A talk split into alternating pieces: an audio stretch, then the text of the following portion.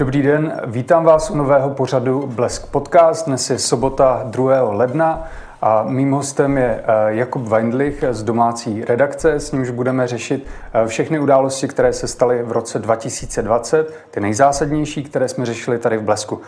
Kubo, vítám tě tady u nás. Hezký den v novém roce. Nejdůležitějším tématem roku 2020 byl bez zesporu koronavirus, který jsme řešili i my tady v Blesku. Mě by, Kubo, zajímalo, eh, kdy jsme měli vůbec první nakažené tady v Česku a jaké jsme přijali opatření, jak jsme na to byli připraveni.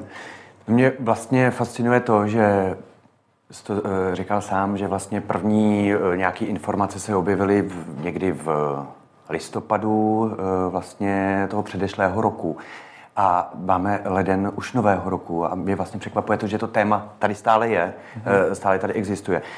Byla to situace, se kterou tady nikdo neměl žádné zkušenosti. Překvapivé přitom je to, že eh, se během té doby vystřídali v České republice tři ministři zdravotnictví. Eh, ten první Adam Vojtěch eh, z Hnutí Ano měl tu situaci asi nejsložitější, což se taky mnohdy ukazovalo eh, na tiskových konferencích, když měl třeba za zády eh, premiéra Andreje Babiše. Vzpomeňme si na tiskovou konferenci, kdy ehm, můj ze zadu napovídal mm, Adamu Vojtěchovi. Nemusíte to, nebuďte slušný, řekněte pravdu, kdo vám to řekl, který úředník, ne, jo, byl, vy jste moc hodnej. Nedostal jsem tu informaci ze, ze státního zdravotního ústavu. Jméno. Uh, od paní doktorky Mackové, no která... tak, tak to řekněte. Ano. Ale to už bylo v době, kdy jsme tady měli první nakažení. Eh, ten se objevil, eh, respektive o prvních třech nakažených oficiálně Adam Vojtěch informoval 1. března roku 2020. Zajímavý je to, že mm, já jsem měl první informace o tom, že můžeme mít nakažené v České republice už 28. února. Koukal jsem se eh, právě, než jsme šli sem natáčet do studia, eh, kdy jsem eh, psal Adamu Vojtěchovi a bylo to právě 28. února v půl jedenácté večer, mm-hmm. kdy já jsem dostal z dobře informovaných zdrojů ze záchranné služby tady v hlavním městě v Praze informace, že minimálně jeden případ v nemocnici na Bulovce. Eh, Adam Vojtěch to tehdy eh, popíral, popíral to i druhý den eh, večer, když jsem mu psal o dalších jakoby, těchto informacích. Zatímco 28. února mi napsal, že nezaregistroval žádné nakažené a že e, nic takového v České republice není. Tak o den později, když jsem si projížděl tu SMS komunikaci, tak mi napsal, že v podstatě v České republice je 193 podezřelých případů e, nákazou COVID. Ovšem u ani jednoho se v té době prý ta nákaza neukázala. Mm-hmm. Což eh, se potom ukázalo o dva dny eh, později, vlastně, nebo o, o den později, 1. března, že už tady nakažení tedy jsou. A další moje otázka bude směřovat k tomu, jaká byla nejtvrdší opatření v této první vlně. A jestli ty osobně máš třeba nějaký moment, který máš eh, spojený s koronavirem a s tím, jak se ti lidé s tím vyrovnávali. Lidi byli poměrně dost na vládu naštvaní. Eh, ze začátku tady vidíme eh, třeba fotografii, která vlastně je mementem té první vlny.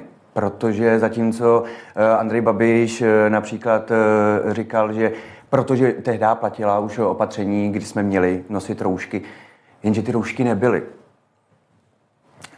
Andrej Babiš říkal, kdo nemáte roušku, jak já osobně vám je přivezu, pak v podstatě po průběhu času se za tento výrok, dá se říct, omlouval, protože věděl, že roušky nejsou, lidé si sami šijí, um, herci, um, v podstatě umělci, kteří přišli nějakým způsobem o práci, tak se uh, nějakým způsobem přeorientovali, sedli k šicím strojům, lidé skupovali v galanteriích a tak dále. Což je pro mě poměrně silný moment, protože uh, my jsme se vlastně ukázali jako národ šikovných lidí, kteří si museli umět nějakým způsobem poradit. A provizorní rouška je na světě. A měla by se měnit co nejčastěji, jakmile je vlhká. Takže údajně prý jeden balíček kapesníku stačí na celý den.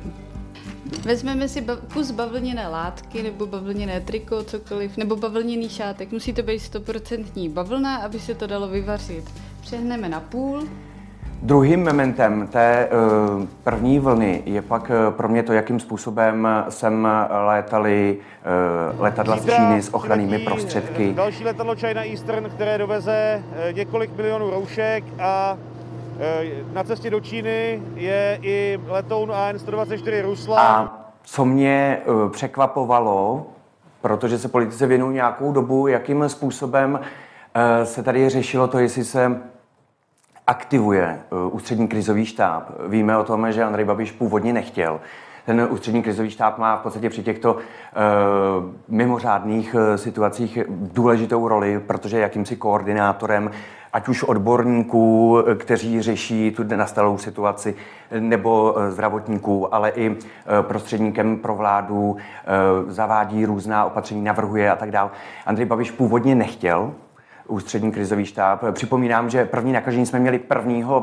března, oficiálně potvrzené, a až 15. března se teprve rozhodl, že se ústřední krizový štáb aktivuje. Ovšem, vláda v tichosti i za přispění ministrů sociální demokracie změnila status ústředního krizového štábu, podle kterého pak už nemusel být nebo neměl být Eh, předsedou tohoto štábu pro tyto situace buď to ministr vnitra nebo ministr obrany, protože ten krizový štáb eh, se aktivuje eh, za různých okolností, tak proto ty, ty dva siloví ministři měli být vždycky jejich předsedou.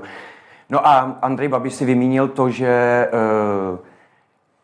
šéfa ústředního krizového štábu jmenuje samotný premiér. A Andrej Babiš si i přes nevoli sociálních demokratů eh, vybral, že šéfem ústředního krizového štábu bude Roman Primula. V té době náměstek na ministerstvu eh, zdravotnictví bez prověrky, kterou po něm žádal Adam Vojtěch, eh, což se pak také později ukázalo, že právě mezi Adamem Vojtěchem a Romanem Primulou nejsou ty vztahy úplně dobré na, na Češ eh, v podstatě se, eh, Roman Primula pak skončil. K tomu se určitě ještě dostaneme. Eh, já jenom připomenu, že v této době zažilo Česko úplně něco nového, kdy nastal totální lockdown, byly zavřené obchody, restaurace, přičemž lidé museli dodržovat přísné opatření, nosit roušky jak venku, tak vevnitř, což bylo úplně něco nového, co Česko ještě nezažilo ve své novodobní historii. Přičemž eh, bych se rád zeptal, eh, napadají tě nějaké prohřešky, co se staly v první, druhé vlně, co udělali sami politici, kdy dodrželi opatření k tomu speciálnímu, který jsme řešili my tady v Blesku s Romanem Primulou a Jaroslavem Faltingem, se budeme zabývat samostatně, ale jestli tě napadají nějaké další. To jsou dvě uh, situace, kdy uh, na jedné je, tuším, že zasedání ústředního krizového štábu, štábu nebo nějakého poradního orgánu uh, ministra uh, vnitra Jana Hamáčka. Mimochodem uh, na obou dvou fotografiích on je v červeném svetru, uh, což uh, si vzal takové jako poznávací znamení. Ta tisková konference, kde, kde jsem se objevil v tom červeném svetru, eh, byla v neděli, respektive to bylo jednání vlády, které bylo v neděli a mě se už prostě nechtělo chodit do obleku, protože byla neděle, tak jsem se vzal civil. A e, pak to zbudilo takovou, takovouhle vlnu, tak jsem to do jisté míry bral jako symbol. E, právě e, jako šéf ústředního krizového štábu. Mimochodem červený svetr se později stal také jakýmsi volebním symbolem mm-hmm. sociální demokracie při krajských volbách, mm-hmm. protože nesmíme zapomínat, že vlastně vše řešení té koronavirové krize se odehrávalo také přes vlastně při volební kampani ke krajským a senátním volbám, ve kterých mimo jiné sociální demokracie totálně pohořela, mm-hmm. ale to je, to je jiné téma. Na té první fotografii tady můžeme vidět zajímavou věc. Bývalý prezidentský kandidát Jan Švejnar bez roušky, ale ten eh, čistě teoreticky mohl, protože aspoň tady podle obrázku zřejmě přes Skype je sám v místnosti. Ale tady vidíme uh, poradní tým právě ministra Hamáčka. Vidíme také ministrini práce a sociálních věcí Janu Maláčovou, která je bez roušky. Vidíme také jejího manžela, Aleše Chmilaře, který je nyní náměstkem ministra zahraničí. Oba dva významní členové sociální demokracie, oba jsou bez roušky. A taky si to pěkně odskákali, zatímco Jan Máček se vlastně přiznal na Twitteru že, a, a napsal něco ve smyslu, že se nebude vymlouvat a tak dále že roušku neměl, porušil pravidla a poslal 10 tisíc korun do fakultní nemocnice v Motole.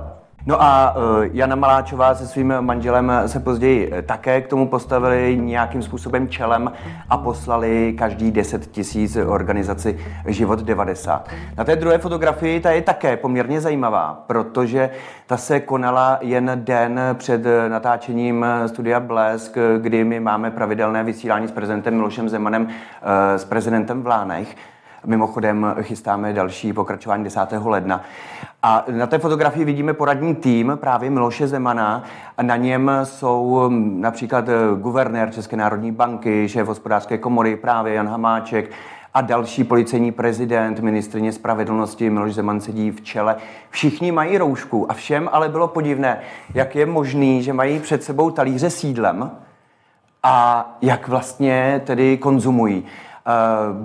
Dohadovala se veřejnost, eh, nejen politická, ale také široká veřejnost, Eh, jestli ta fotografie s rouškami nevznikla pouze na oko a potom všichni v Lánské oboře s Milošem Zemanem, mimochodem, který je v rizikové skupině, protože eh, měl cukrovku a má také už vyšší věk, eh, jestli si potom ty roušky nesundali a vlastně běžně ne, ne, spolu nekomunikovali bez roušky. Uživatelé na internetu i naši čtenáři posílající dotazy si všímali společné fotografie u stolu z toho včerejšího jednání. Všichni jste tam měli nasazené roušky a před sebou talíře s jakýmsi drobným občerstvením. Tak jak jste tedy zvládli pokrm pozřít, aniž byste porušili nařízení vlády no, mít vždy nasazenou ochranu? Eh, opravdu vás zajímají velmi důležité věci, já vás chápu. Takže to drobné občerstvení se dalo takto konzumovat během několika málo minut, ale nikdo nenapsal, že jsem zakázal oběd. Poprvé při zasedání této expertní skupiny, poprvé proto, protože poprvé jsme měli na sobě roušky. No a třetí, eh, Václav Klaus, který je takovým, dalo by se říct, rebelem. Bývalý eh, prezident totiž se několikrát na veřejnosti objevil, a možná trochu demonstrativně, byť s rouškou, ale měl pod bradou. Eh, I to řeší policie stejně tak jako eh, krajská hygiena potom eh, řešila také tyto dvě schůzky. Já jenom doplním, fotka nahoře Václava Klauze pochází se 17. listopadu 2020. Ehm, ještě další události zajímavé, třeba Vratislav Minář pořádal zabíječku z hosty, kdy se neměli združovat lidi co mě ještě napadá, televizní kamery zaznamenaly Andreje Babiše několikrát třeba bez roušky v televizním studiu, kdy, kdy byla povinná. To jsou další případy. Teďka se přesuníme do května, kdy se začaly ty vládní opatření uvolňovat. Tady mám schválně důlní společnost OKD, Důl Dárkov, kde se ty opatření neuvolnily hnedka v květnu, ale až teprve daleko později. Můžeš e, nám vysvětlit, proč se tak stalo? No, právě v dolech se totiž začala ta nákaza nějakým způsobem nekontrolovatelně e, šířit. Jestli se nemýlím, tak v jednu chvíli bylo 120 nakažených zaměstnanců dolů a docházelo vlastně ke komunitnímu šíření jak mezi zaměstnanci, tak mezi jejich rodinnými příslušníky.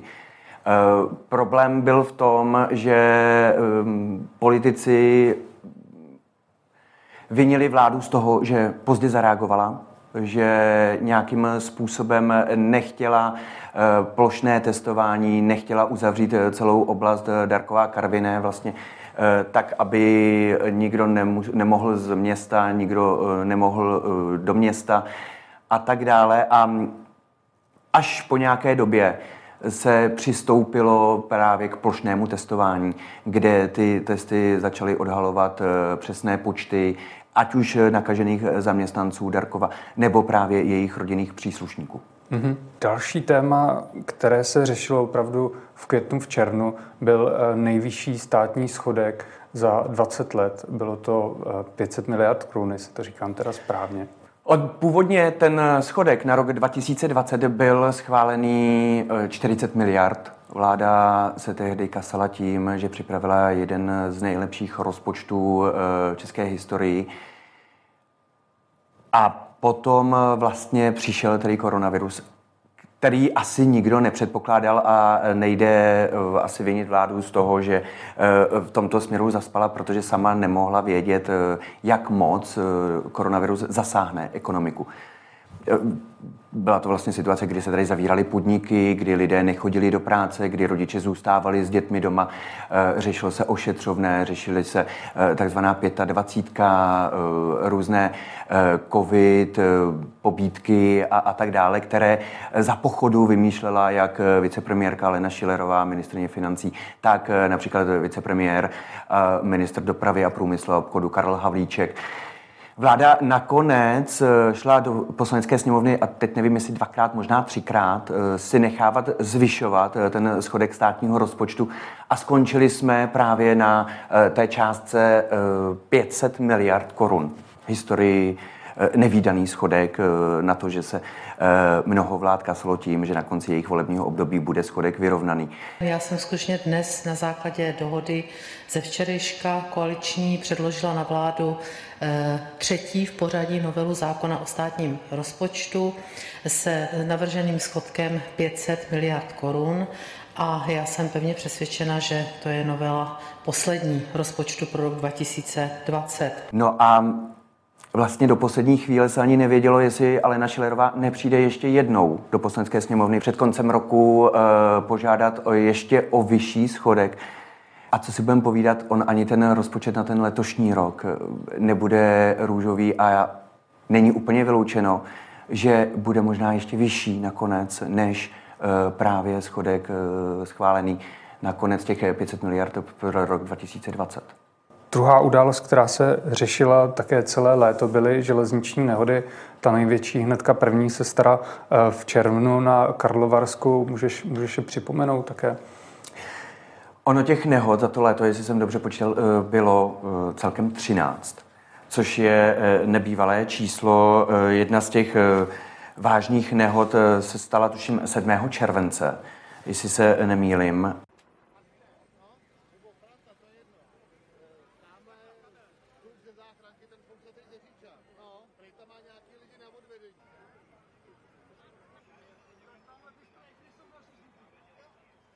Ta karlovarská eh, nehoda byla zajímavá nebo závažná tím, že se to stalo v nedostupném terénu. Eh, těch zranění bylo poměrně dost, museli je těžko odtamtu dostávat a dokonce i tato fotografie velmi eh, složitě vznikala a tady vidíme, že to bylo opravdu jako čelní srážka dvou vlaků. A tím, jak těch nehod bylo opravdu hodně, tak eh, čelil kritice mimo jiné také eh, ministr eh, dopravy Karel Havlíček. On je totiž zároveň i ministrem průmyslu a obchodu. Především opoziční politici ho vyzývali, aby si vybral, na které židli vlastně bude sedět, protože byť samozřejmě ministr asi nemůže za takové nehody ale v některých zemích, když se stane uh, takovýto hluk událostí, tak eh, v některých zemích ministři odstupují, byť nenesou přímou odpovědnost. Ono se téma těch železničních nehod eh, stalo také předmětem jedné z našich předvolebních debat, kde se právě politici, kandidáti do krajských zastupitelstev předháněli v tom, kolik peněz má jít na železnici, na zabezpečení přejezdů a tak dále. Nejčastější, nejčastěji se ovšem ukázalo vždycky, že to vlastně byla chyba e, strojvůdců, e, většinou e, tedy chyba lidské selhání a začalo se také mluvit o tom, že někteří strojvůdci mají řetězové smlouvy, jezdí pro několik společností, nedodržují přestávky, jsou přetěžovaní a tak dále. Mm-hmm. Což tedy bohužel pak se ukazovalo, že to i odnáší lidé na lidských životech, že jsou to opravdu velké tragédie, kterým eh, má předejít, eh, má pomoct předejít také mimochodem nový zákon. Když už jsme u těch tragédií, tak možná ta jedna z největších, co se stala, které Blesk věnoval opravdu hodně prostoru. K ní došlo v srpnu v Bohumíně, kdy v panelovém domě v 11. patře začalo hořet. Víš, jak k tomu požáru došlo, po případě, kdo ho způsobil? Tam na začátku je uh, asi potřeba říct, že to byla opravdu obrovská tragédie, protože v bytě uhořely tři děti a, a tři dospělí. Uh, policisté, kteří byli na místě, i hasiči, říkali, že vlastně něco takového ještě nezažili ve své práci. Moravskoslezský hejtman Ivo Vondrák z Hnutí Ano tehdy říkal, že to vypadá na žhářský útok, což poté potvrdil také, byť velmi opatrně, i ministr vnitra.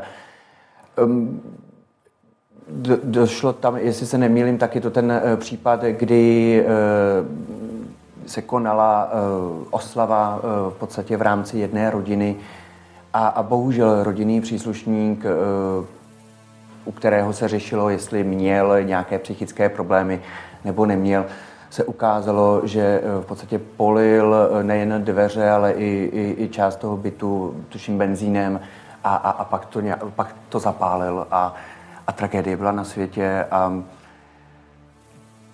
ty lidé, a, a jak jsem říkal, eh, bylo to eh, něco nevýdaného i pro ty hasiče, kteří byli sami u toho zásahu, i pro, pro, potom pro zdravotníky. Začátkem září eh, se zase vrátilo stále téma, které jsme řešili v březnu, dubnu, koronavirus. Situace se začala zhoršovat. Přičemž hnedka už 1. září lidé museli opět nasadit roušky ve vnitřních prostorech, zejména v, ve školách, na úřadech, ve zdravotnických zařízení.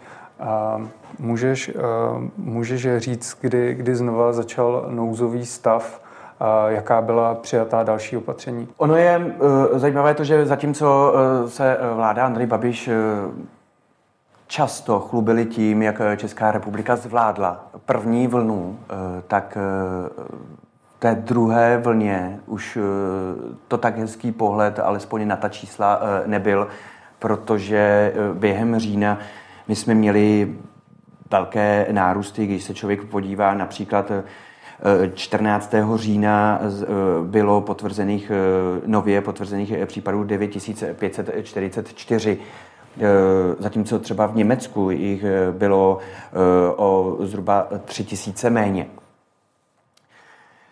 Jestli si také dobře vzpomínáme, nebo naši posluchači, diváci vzpomínají, tak ani vláda na začátku toho září nebyla příliš jednotná, protože tehdy byl ještě ministrem Adam Vojtěch, který řekl, že budou povinné roušky, že budou roušky ve školách, a tak dále. Pak eh, přišel Andrej Babiš, řekl, že to opatření je nesmyslné a, a teď vlastně uh, nikdo příliš nevěděl, co tedy platí nebo neplatí.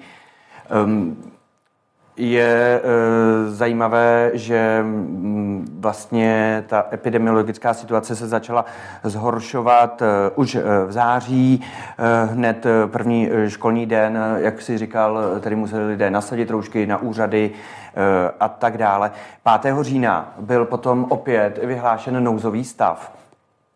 E, a ten platil 27. října, tedy vládní protikoronavirové opatření, do té doby to platilo, byla mimochodem mm, ještě asi tvrdší než v té eh, první vlně.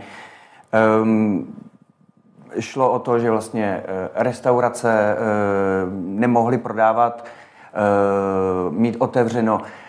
Postupně se mohla scházet pouze hrstka lidí. Ehm, když jsem mluvil těsně předtím s ministrem, tak eh, on říkal, že eh, se máme připravit eh, například na něco podobného, co tehdy platilo ve Velké Británii, což bylo takové to číslo 6, se tomu říkalo, kdy se mohlo setkávat maximálně 6 lidí, pokud možno rodinných příslušníků, byly zákazy skromažďování, Postupně se začala ta opatření nějakým způsobem nabalovat, kdy se zavíraly eh, například také eh, domovy sociálních služeb, domovy důchodců, ehm, seniori se nemohli eh, setkávat, což je pro ně bylo samozřejmě také psychicky dost náročné, nemohli se setkávat se svými rodinnými příslušníky a tak dále.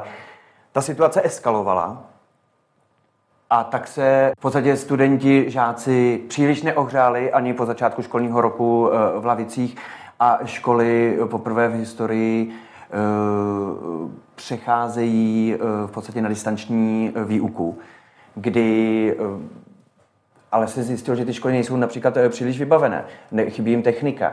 a, a tak dále. Děti musí mít doma, když je doma více dětí, tak například mít více počítačů. Uh, je zajímavé také to, že se do zákona uh, dostalo poprvé v historii vlastně slovo distanční výuka, mm-hmm. což do té doby byl tady pojem nemyslitelný. A, a vlastně nikdy se neřešilo to, že žáci, studenti se budou učit alespoň na dálku. V září a říjnu se odehrály další důležité politické události, kdy předseda Senátu za ODS Miloš Vystrčil eh, odjel s delegací na Tajvan. Dále došlo k výměně na postu ministra zdravotnictví, kdy Adama Vojtěcha nahradil Roman Primula. A třetí důležitá událost byly vlastně eh, krajské a senátní volby. Tak jestli je můžeš v rychlosti zhrnout, co se, co se dělo? Eh, já to schrnu Začnu tím eh, cestou Miloše Vystrčela nad Chajván. Eh, on tam cestoval jako šéf Senátu, ovšem eh, připomenu jen, že to neměl být on původně, kdo měl letět nad Chajván, kdo, kdo tam měl tu cestu podniknout. On tam letěl v podstatě za Jaroslava Kuberu, který začátkem loňského roku, jen krátce po kongresu ODS, zemřel a e, Věra Kuberová, manželka Jaroslava Kubery, zesnulého šéfa Senátu z ODS, e, přičítala zhoršení jeho zdravotního stavu a tu e, překvapivou náhlou smrt, mimo jiné také právě tlaku ze strany Číny, která varovala a někteří říkali, nebo někteří to pojmenovali tak, že dokonce šéfa Senátu vydírala a vydírala tím i Českou republiku, protože ho zrazovali před před eh, cestou nad Chajván. Připomenu, že Čína neuznává Chajván jako eh, samostatný stát eh, nebo jako samostatný celek. Nicméně Miloš Vystrčil odletěl, dokonce se tam, dokonce v tom slavném projevu prohlásil, že je Chajvanec. Na tu cestu s ním měla letět mimo jiné také právě Věra Kuberová, zesnula, vdova po zesnulém Jaroslavu Kuberovi. Eh, nakonec jí to prý zdravotní důvody nedovolili a lékaři tu cestu nedoporučili. Jaké byly výsledky té cesty na Tchajvan? Výsledky té cesty eh, byly eh, takové, že dokonce Tchajvan měl poslat, tuším, linky, výrobní linky na výrobu respirátorů, jestli se nemýlím. Jenže ještě na podzim se potom vlastně řešilo, že nic takového není. Dokonce politici řešili, kdo je zodpovědný za to, že tento dar z Tajvanu může přijmout? Jsem velmi rád, že jsme tu cestu realizovali a velmi si vážím té podpory, které se nám ode všech i mimo Českou republiku dostalo. Děkujeme za ní. Co se týká vlastních výsledků, tak ta mise měla tři úkoly. Tím prvním bylo navázání hospodářských kontaktů, vědecko-výzkumných kontaktů a kontaktů, které se týkaly spolupráce v oblasti inovací a modernizace eh, různých technologií. Tam jsme byli velmi úspěšní, o tom bude hovořit eh, pan předseda eh, Česko-tajvanské komory, pardon, pan ředitel Česko-tajvanské komory Pavel, Fiš, Pavel Diviš, případně potom i někteří další. Se týká, řekněme, návratu jakéhosi charakteru či narovnání páteře České republiky, to znamená důkazu toho, že Česká republika je suverénní a samostatnou zemí, to si myslím, že rovněž rezonovalo mezi českými obyvateli a my jsme dostávali velké množství podpůrných e-mailů a řekněme i hm, vyznání z pocitu hrdosti toho, že jsme tu návštěvu tímto způsobem realizovali. A třetí věc, která se týkala eh, vlastně logické spolupráce demokratických zemí, tam si také myslím, že ta důvěra, kterou nám vyjadřovali Tajvanci, byla neuvěřitelně vysoká. Druhá důležitá událost, poměrně rychlá výměna na postu ministra zdravotnictví eh, před volbami. Proč to Andrej Babiš udělal? Andrej Babiš eh, v podstatě nějakým způsobem ehm, koriguje výstupy a řídí výstupy Adama Vojtěcha, kterého si mimo jiné eh, právě do politiky přivedl. Uh, připomenu, že on, mu, on byl jedním z jeho nejbližších spolupracovníků ještě na ministerstvu financí, když tam Andrej Babiš byl ještě před volbami uh, 2017, než ho třeba Bouslav Sobotka, premiér tehdejší, vyhodil z vlády. Adam Vojtěch uh, se poté stal uh, ministrem zdravotnictví v první i ve druhé vládě.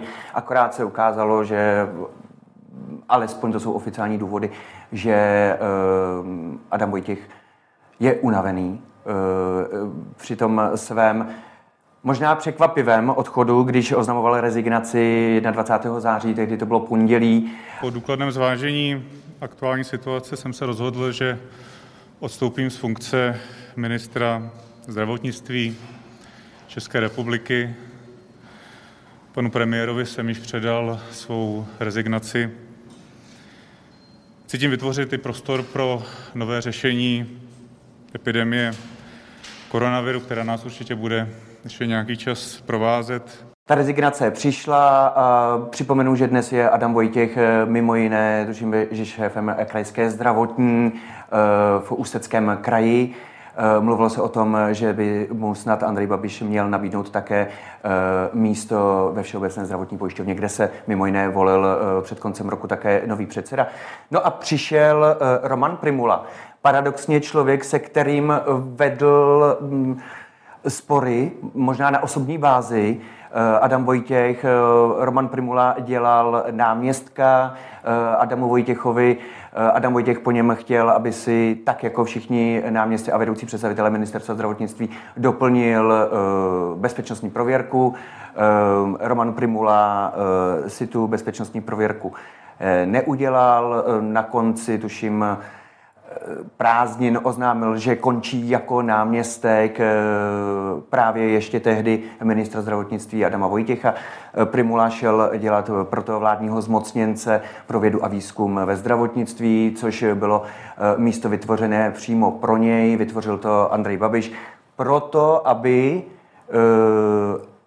prý Roman Primula neodcházel ze služeb státu, Mnozí, především uh, opoziční politici, uh, vyčítali Babišovi, že vytvořil Primulovi uh, pouze místo tak, aby ho později mohl nějakým způsobem použít, což se ukázalo, protože Roman Primula se stal ministrem zdravotnictví. Další důležitá událost, kterou já jenom krátce zhrnu, ke které došlo vlastně v září na řece Bečvě nedaleko Valašského Meziříčí, eh, unikla do řeky neznámá látka, která zabila tisíce ryb.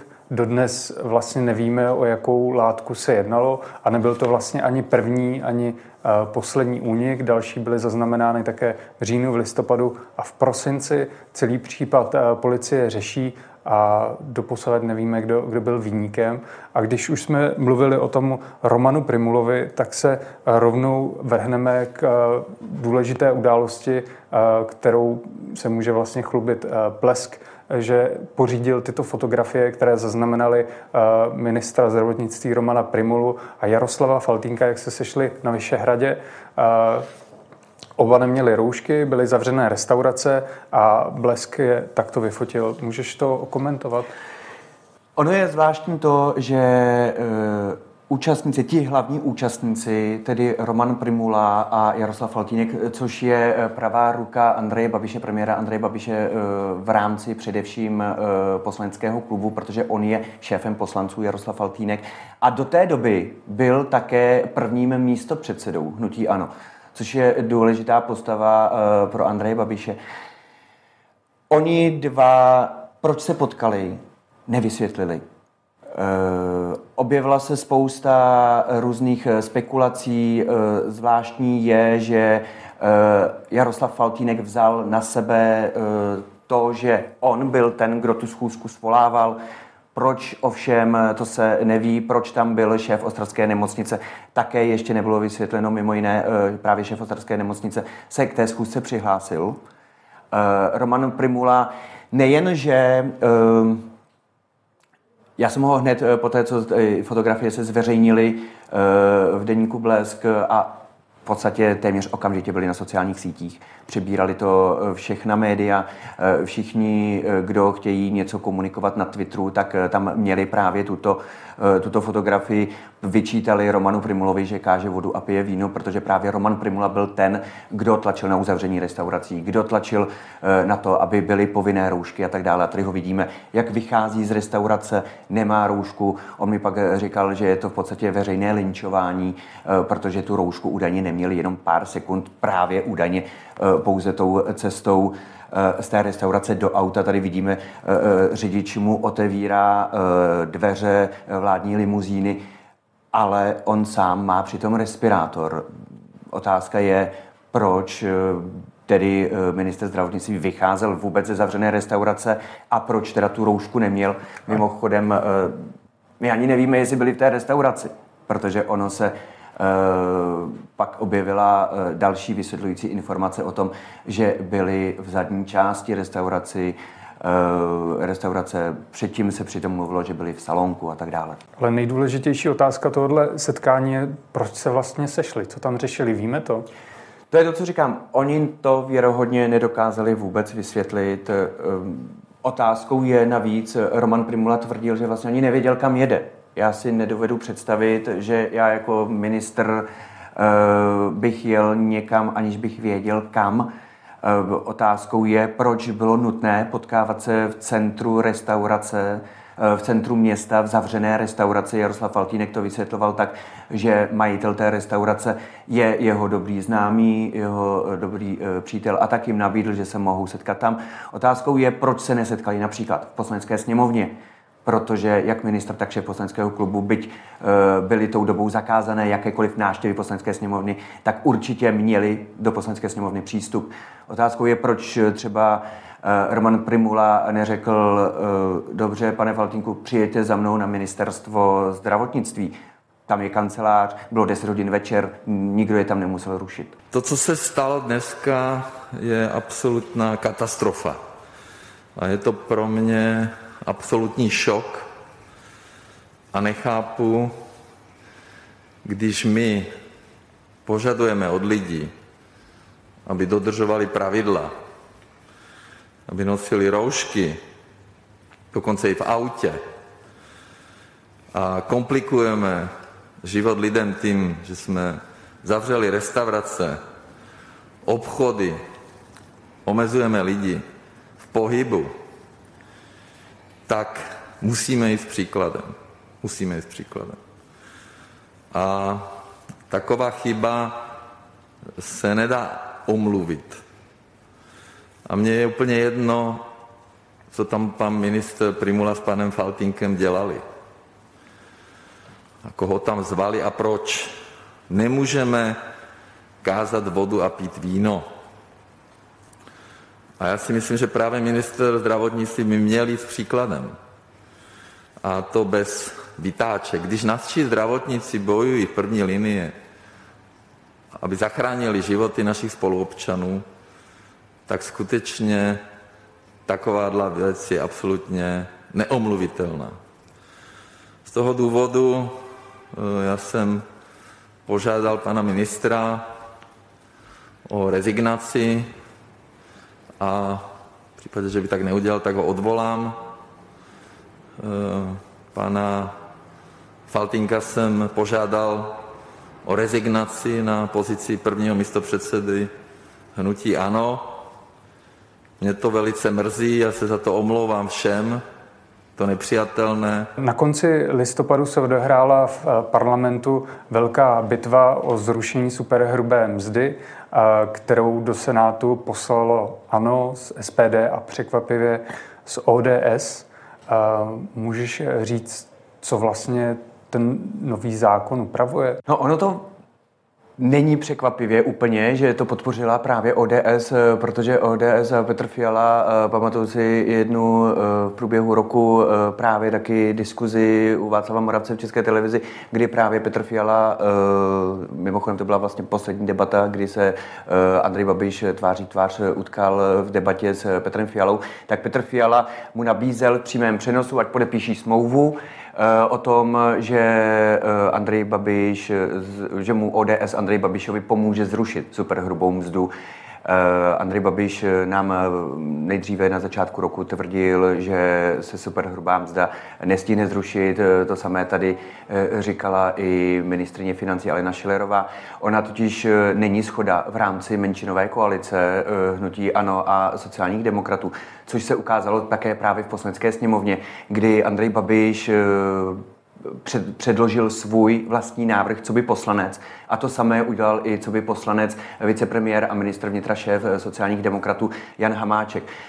Ten problém je v tom, že každý z nich chce jiné, zdanit jinak práci, zatímco Andrej Babiš navrhuje 19 a 23 tak Jan Hamáček navrhuje 15% Je ten spor o tom, eh, jakým způsobem se tedy danit bude. Nebylo to vůbec jasné eh, v té poslanecké sněmovně. A tam se ještě stalo navíc to, že eh, Piráti prosadili ještě do toho, toho zákona, který pak sněmovna poslala do Senátu, navýšení zdanění poplatníka, a to téměř o, de, o 10 tisíc, mezi 9 a 10 tisíci Eh, ročně, což eh, se zdá hodně právě jak senátorům, tak i ministrině financí Aleně Šilerové, eh, která se snažila i s Andrejem Babišem přesvědčovat senátory, aby ten zákon takto, jak je, prostě poupravili, aby právě tuto daňovou výjimku z toho nějakým způsobem vyjmuli nebo minimálně snížili. A jako tlak eh, se přidal také na senátory, eh, také prezident Miloš Zeman, který řekl, že pokud eh, tento zákon s takto vysokou daňovou výjimkou projde, tak ho vetuje. Mm-hmm. Mě by ještě zajímalo, jaký dopad to bude mít na lidi, kdyby se opravdu rušila ta superhrubá mzda, tak jak byla schválena v parlamentu. Oni v podstatě politici příliš nedokázali vysvětlit, proč na výplatní pásce je superhrubá mzda. někdo ji tam má, někdo, někdo nemá. Ehm, Andrej Babiš eh, tvrdí, eh, že eh, když se zruší superhrubá mzda, my všichni zaměstnanci budeme mít na výplatní pásce podle toho, jak vysokou budeme mít čistou mzdu, tak o to víc nám také zůstane v našich peněženkách. To rozmezí se tam pohybuje, tuším, od nějakých 15 stovek až tuším do 5 tisíc. Um, jde o to, že ale ekonomové uh, tvrdí, že ten návrh Andreje Babiše uh, je příliš zatěžkávací pro státní rozpočet na uh, ten letošní rok. Mimochodem, Alena Šilerová nezapracovala zrušení superhrubé mzdy a náklady s tím spojené vůbec do návrhu státního rozpočtu. Když jsme tady o něm mluvili, Eh, tak eh, je vysoce pravděpodobné, že nejen kvůli tomuto Eh, začátkem letošního roku, odhaduje se to někdy na eh, leden, eh, nejpozději únor, přijde Alena Šilerová do poslanecké sněmovny a bude žádat navýšení státního rozpočtu, respektive toho schodku. Vlastně poslední otázka, kterou mám. V listopadu začal opravdu začal další návrat do normálního režimu po druhé koronavirové vlně. Jestli se dá opravdu říct, že už ta druhá koronavirová vlna skončila. A přičemž ve čtvrtek 3. prosince se konečně otevřely restaurace, obchody a, a tady vidíme ten následek, kdy se lidé vyvalili do ulic. A tohle je fotka ze staroměstského náměstí, kdy lidé pozorují odbíjení, odbíjení orloje. A, tak proč, proč tak vláda učinila tady v tuhle dobu? On je obrovský tlak eh, samozřejmě na to, eh, nebo byl obrovský tlak eh, na to, aby se otevřely především obchody před Vánocemi. Eh, aby obchodníci si alespoň přišli na své během adventu, kdy eh, jsou rekordní tržby. Na té fotografii je zajímavé to, že na Staroměstském náměstí je pouze vánoční strom, není tam eh, v podstatě ani jeden stánek, tak jak jsme byli zvyklí, vánoční trhy se letos ve většině měst nekonaly. Například eh, v Chebu si s tím ale poradili po svém a, a, nějakým způsobem eh, tam dodržovali ta pravidla, to znamená stánky daleko od sebe a tak dále. Vláda rozvolňovala na eh, základě takzvaného psa, což je systém, protiepidemický systém, který je odstupňovaný. Začínali jsme ve, čtvrtém, ve čtvrté kategorii, kdybych to tak řekl, rizika a postupně, jak ubývalo nakažených, tak tím jsme se postupně dostávali do stupně číslo 3, ale začátkem prosince eh, se ta čísla zase dala do pohybu a rostlo eh, to číslo R, které znázorňuje, kolik člověk jeden může nakazit těch lidí okolo. A právě ministři se vždy báli toho, když, byl, když by to číslo mělo překročit číslo jedna, což se na začátku prosince stalo. Začalo se pak mluvit také o tom, jestli se znovu Eh, ta ekonomika nějakým způsobem nepřiškrtí, jestli se nepřistoupí opět k tomu, eh, že se hospody znovu zavřou, obchody se znovu zavřou. Ehm, ti lidé eh, začali chodit na náměstí, ehm, někdo si dával svařáka, vidíme, že ne všichni mají třeba roušky, což je, což je také zvláštní na té fotografii, protože tu dobu platilo vládní nařízení, kdy při zhluku lidí měli dodržovat lidé ta protiepidemiologická opatření nedodržují ani to, co se má dodržovat například v obchodech, to znamená schromažďování 15, jeden člověk na 15 metrů čtverečních a tak dále. Um, co bylo také pozoruhodné, eh, policisté začátkem prosince, koncem listopadu, začátkem prosince ukončovali několik eh, nelegálních párty, eh, byli v některých klubech, byli v různých podnicích i, i domech soukromých.